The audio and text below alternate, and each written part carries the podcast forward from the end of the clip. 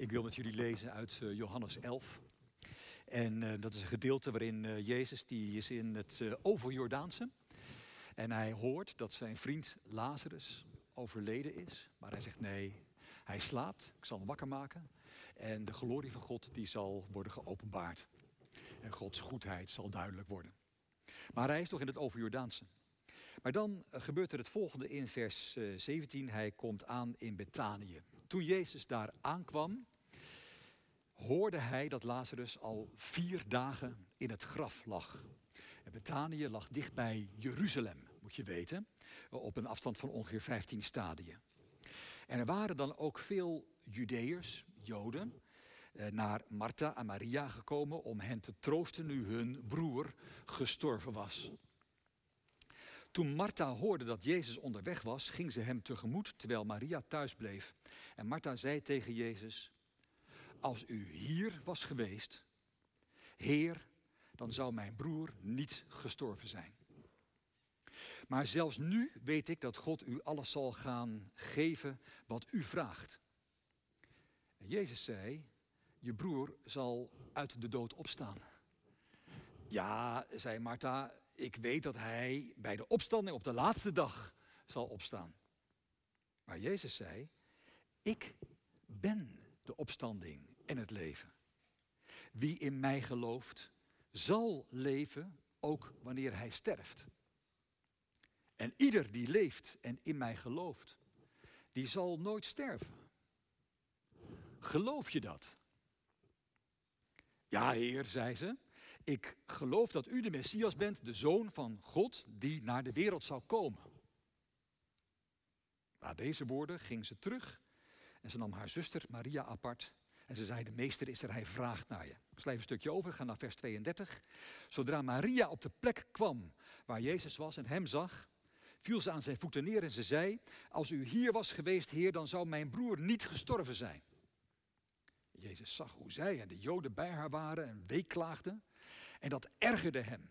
Diep bewogen vroeg hij, waar hebben jullie hem neergelegd? En ze zeiden, kom maar kijken, heer. Jezus begon ook te huilen. En de Joden zeiden, wat heeft hij veel van hem gehouden? Maar er werd ook gezegd, hij heeft de ogen van een blinde geopend. Hij had nu toch ook de dood van Lazarus kunnen voorkomen. Ook dit ergerde Jezus. Hij liep naar het graf, een spelonk met een steen voor de opening. En hij zei, haal de steen weg. Martha, de zuster van de doden, die zei, maar heer, de stank, hij ligt er al vier dagen.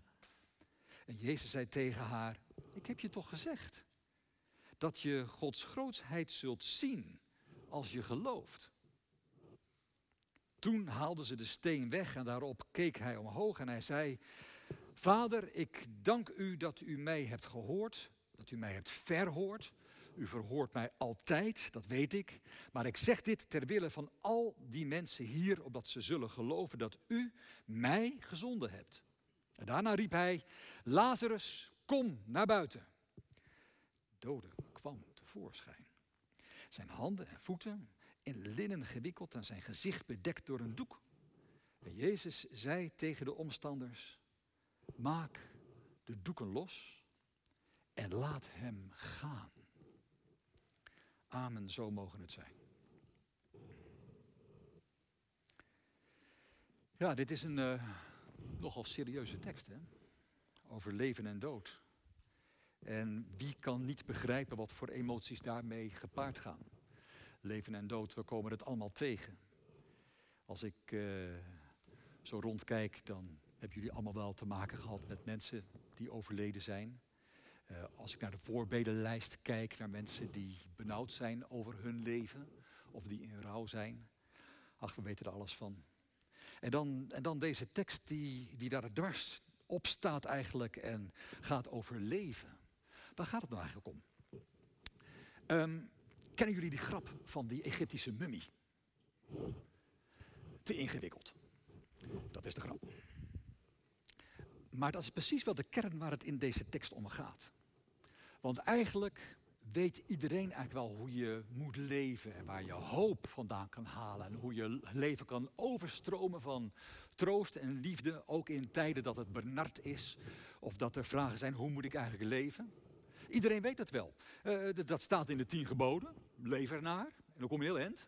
Uh, of, of pak uh, hier Micha 6 vers 8. Er is jou gezegd, mens, wat goed is, je weet wat de Heer van je wil. Niets anders dan recht te doen, trouw te betrachten en nederig de weg te gaan van je God. Hoe moeilijk is dat?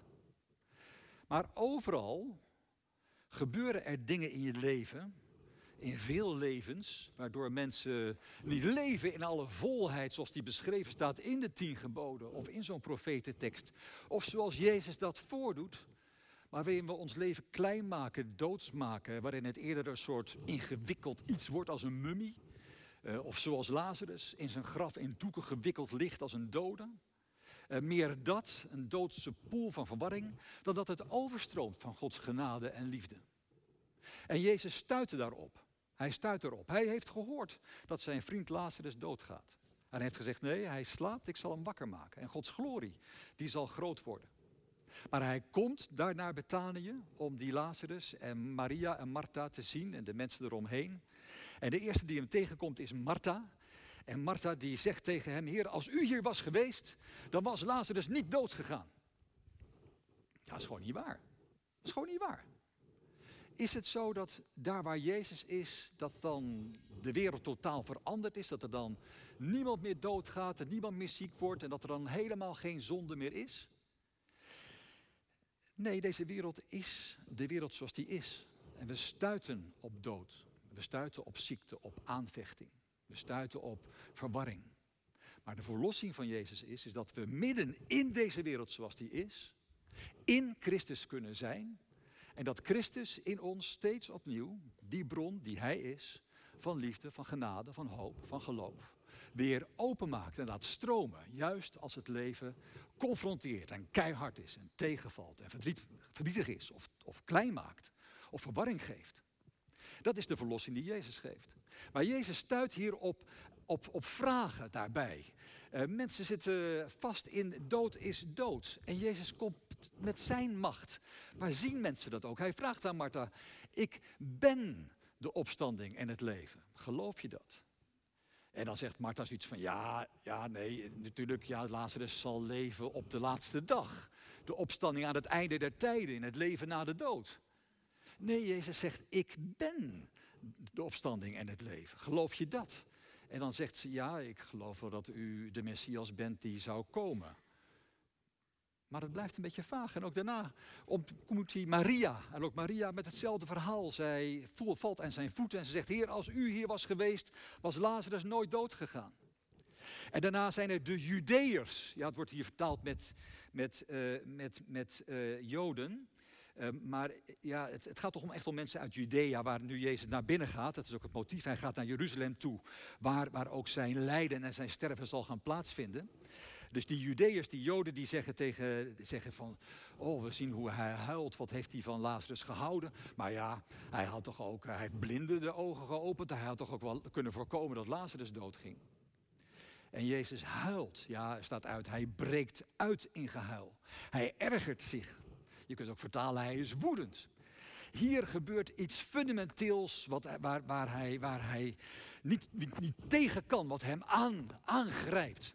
Een, een hoofdstuk hiervoor, Johannes 10, heeft hij verteld waar hij voor kwam. Hij zegt, ik ben de goede herder en ik, ik ben gekomen om, uh, om hun het leven te geven in al zijn volheid. En hier stuit hij op de dood van Lazarus, maar eigenlijk ook op de dood van Maria en aan Martha en de omstanders die, die het kompas kwijt zijn, die, die de hoop kwijt zijn, eh, die, die met allerlei gissingen en vermoedens komen, maar niet vertrouwen op de glorie van God. En dat gaat Jezus dan ook doen. Hij gaat daar met die mensen, vanuit zijn huilen, vanuit zijn woede, gaat hij de glorie van God bekendmaken. En dat doet hij door eerst te zeggen, haal die steen weg. Haal die steen weg. Dat is het eerste. Opdracht 1. Uh, eerst nog wat tegengesputten van Martha. Ja, maar heer, hij is al vier dagen dood en de stank. eh, alsof hun eigen leven niet stinkt. Waar is het vertrouwen? Waar is de hoop? Waar is de vreugde tegen de dood in? Waar is die? Nee, stank, kan niet. Haal die steen weg. Ze halen de steen weg en dan roept Jezus Lazarus het graf uit. En hij komt tevoorschijn en hij zit vast, heel ingewikkeld in die doeken. En hij, Jezus zegt, haal, maak hem los en laat hem gaan. Is eigenlijk opvallend. Het is dus niet zo dat Jezus zegt, Lazarus kom hier, kom vriend hier in mijn armen. Of kom op, we gaan een kopje koffie drinken. Uh, want nu is alles goed. Nee, het is die opdracht aan die mensen die het hem doet. Later zullen ze nog samen gaan eten. Maar hier gaat het in hoofdstuk 11 over die opdracht die het hem doet. Want dat is Jezus' antwoord. In een wereld waar dood is, of waar dingen tegenvallen, waar dingen gebeuren, ook in kerken, die je, die je niet wilt, die verschrikkelijk zijn, die lastig zijn. In een, in een omgeving ook, in, een, in een, een kerk waar we zijn, hier zijn gesteld, in een, in een wereld waar ziekte is, waar mensen aangevochten zijn, waar mensen hun kompas vaak kwijt zijn en zich, zich overgeven aan, aan vaste dingen, aan de stenen van hun huis, een hypotheek, een mooiere auto, als het plaatje van mijn leven maar klopt. Daar, daar zegt Jezus, wacht eens eventjes, haal de steen eens weg. Dat is het begin van de glorie van God. Haal de steen weg. De steen weghalen, dat houdt in dat uh, er kunnen in je leven dingen gebeuren. Bijvoorbeeld dat er, dat er dood is. Nou, ook uit eigen ervaring weet ik hoe zeer je dat kan aanvechten en hoe je daarmee worstelt uh, en dat het niet overgaat. En tegelijk geloof ik ook dat een steen wegzetten betekent dat die rouw die in het leven van mensen vaak is, of in de aanvechting die in het leven van mensen is, of in het verdriet, de zorgen om gezondheid van jezelf of anderen, die steen, die zwaarte, die hoeft niet kapot gemaakt te worden of helemaal weg. Nee, die is er, maar die kun je opzij zetten. Die kun je wegrollen om plaats te maken voor dat woord van Jezus, die zijn glorie, die zijn liefde, die zijn hoop geeft. Die steen hoeft de macht van God toch niet te verduisteren. Dat is één. En vervolgens zegt Jezus tegen die mensen: maak hem los, hè, haal die doeken van hem af, maak het niet zo ingewikkeld. Ook dat is een opdracht. Dat wij onszelf, maar ook anderen steeds zo tegemoet treden dat we het niet ingewikkeld maken uh, en het vertrouwen kwijtraken, maar dat we vanuit vertrouwen met anderen omgaan. Ik ga zo wat voorbeelden geven hoor. En tot slot, laat gaan, zegt Jezus, de derde opdracht. Ik geloof dat dat ook een opdracht is voor ons als persoon, maar ook als kerk. Kom ik zo op terug. Om te laten gaan. Um, in bijbelse zin is laten gaan nooit alleen maar van, nou ja, oké, okay, uh, hey, doei, uh, ga maar. Nee, laten gaan houdt in dat je je weg weer op kan gaan pakken. De weg die hij zelf ook gaat. Met allerlei omzervingen uiteindelijk naar Jeruzalem toe. Naar de plek waar God en jij thuis zijn. En hij kondigt aan dat dat Jeruzalem zijn koninkrijk is, dat komende is. Het koninkrijk waar God en mens samen zijn. Laat gaan, houdt in dat je die weg weer kunt gaan als een pelgrim. Dat je leven niet vastzit in je hypotheek of in je rouw of in je aanvechting of in je twijfel. Maar dat je kunt gaan, kunt bewegen op weg naar dat koninkrijk dat komende is. Dat die God die komt om ons te verlossen, dat je daarop koerst. Dat dat je kompas is in het leven. Nu de praktijk. Um, we kijken naar, uh, naar het nieuws en we zien verschrikkelijke dingen gebeuren. En je kunt je afvragen waarom. Dat is een steen, waarom? En daar op die vraag kan alles stuk gaan. Waarom? Waarom laat God dat toe? Um, als daar een antwoord op is, is het een onbarmhartig antwoord. Alsof God dat dan doet. Um, de vraag is eerder, hoe kun je omgaan met dat waarom? Het kan ook een waarom niet zijn. We leven in een wereld waarin erge dingen gebeuren. Als ik kijk naar het nieuws, ik zie uh, Afghanistan, nou dat zien jullie natuurlijk ook. Verschrikkelijk verhaal, verschrikkelijk wat daar gaande is. Uh, ik ben bang dat het alleen niet nu verschrikkelijk is, maar al twintig jaar al misschien wel langer verschrikkelijk is. Ook wij zelf als Nederlanders hebben daar verschrikkelijk huis gehouden. Met onze wapentuig hebben we. Wat hebben we gedaan? Hebben wij inderdaad er is jouw mens gezegd wat goed is. Je weet wat de Heer van je wil. Niets anders dan recht te doen, trouw te betrachten en nederig je weg te gaan van je God. Hebben we dat gedaan daar? Met onze wapens? Is dat onze taak geweest? We zijn bezig geweest. En het minste dat we zouden kunnen doen om nu heel nederig, misschien toch de mensen die we daarbij betrokken hebben, hier naar Nederland te halen. En dat gebeurt schoorvoetend of niet, ik weet het niet zo goed hoe het gaat. Verschrikkelijk. Ehm, er is veel commentaar in het nieuws en dat gaat over, is niet de NAVO nu uh, ja, de, de, een blamage voor de NAVO? Ja, ik denk dat we allemaal kijken naar de mensen. En dat we misschien wel in deze tijd de steen van, uh, nou ja, ze zoeken het daar maar uit, opzij kunnen zetten. Op zijn minst kunnen blijven bidden voor de mensen die daar zijn.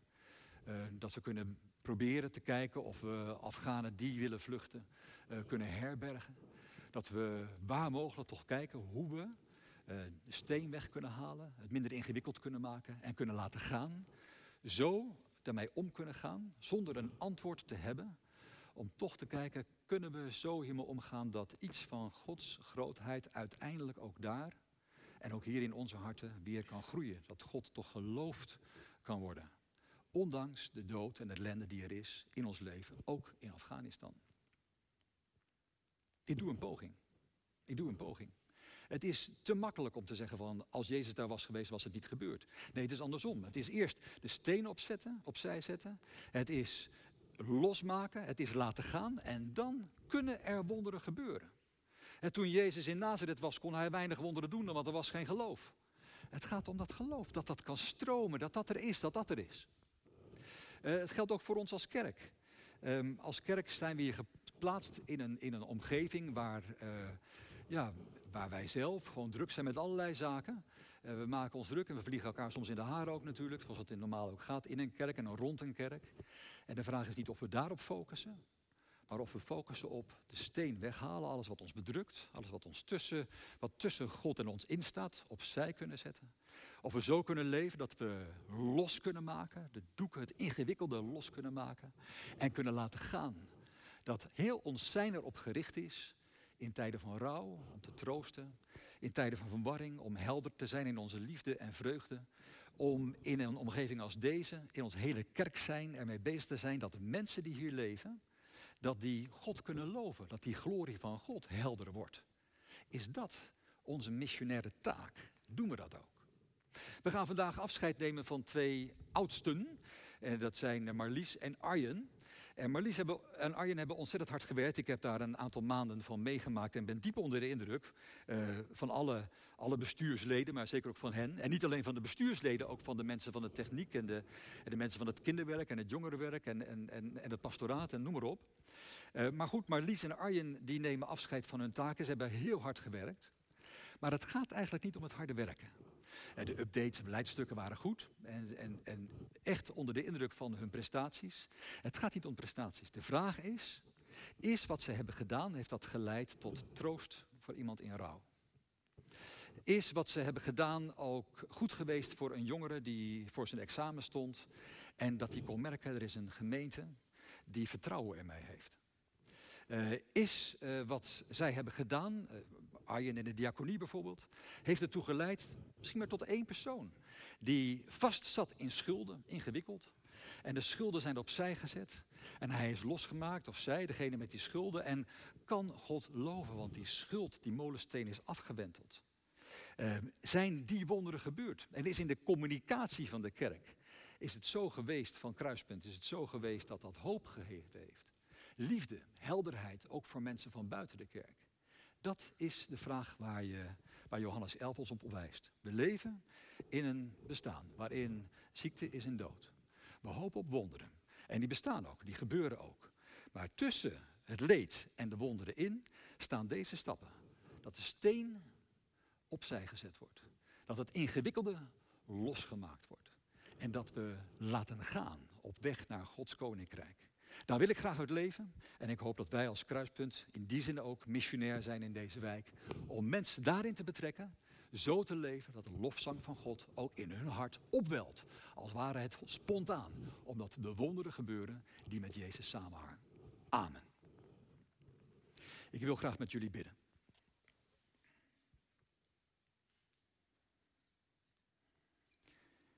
Heer, wij willen geloven in uw macht. Jezus, uw naam is verheven boven alle namen. En wij buigen onze knieën en wij aanbidden u, omdat wij onze hoop en ons vertrouwen in u stellen. Heer, wij bidden u, wilt u de stenen weghalen uit ons bestaan, maar ons ook de kracht geven om zelf stenen opzij te zetten. En open te staan voor die liefde die u geeft. Daaruit te leven, daarvan te getuigen ook in deze wereld. Wilt u ons helpen om los te maken, om te laten gaan, om dat koninkrijk van u tegemoet te gaan. Wilt u zo met uw troost en uw liefde en uw kracht in ons zijn en ons dat leven van u geven in al zijn volheid. Amen.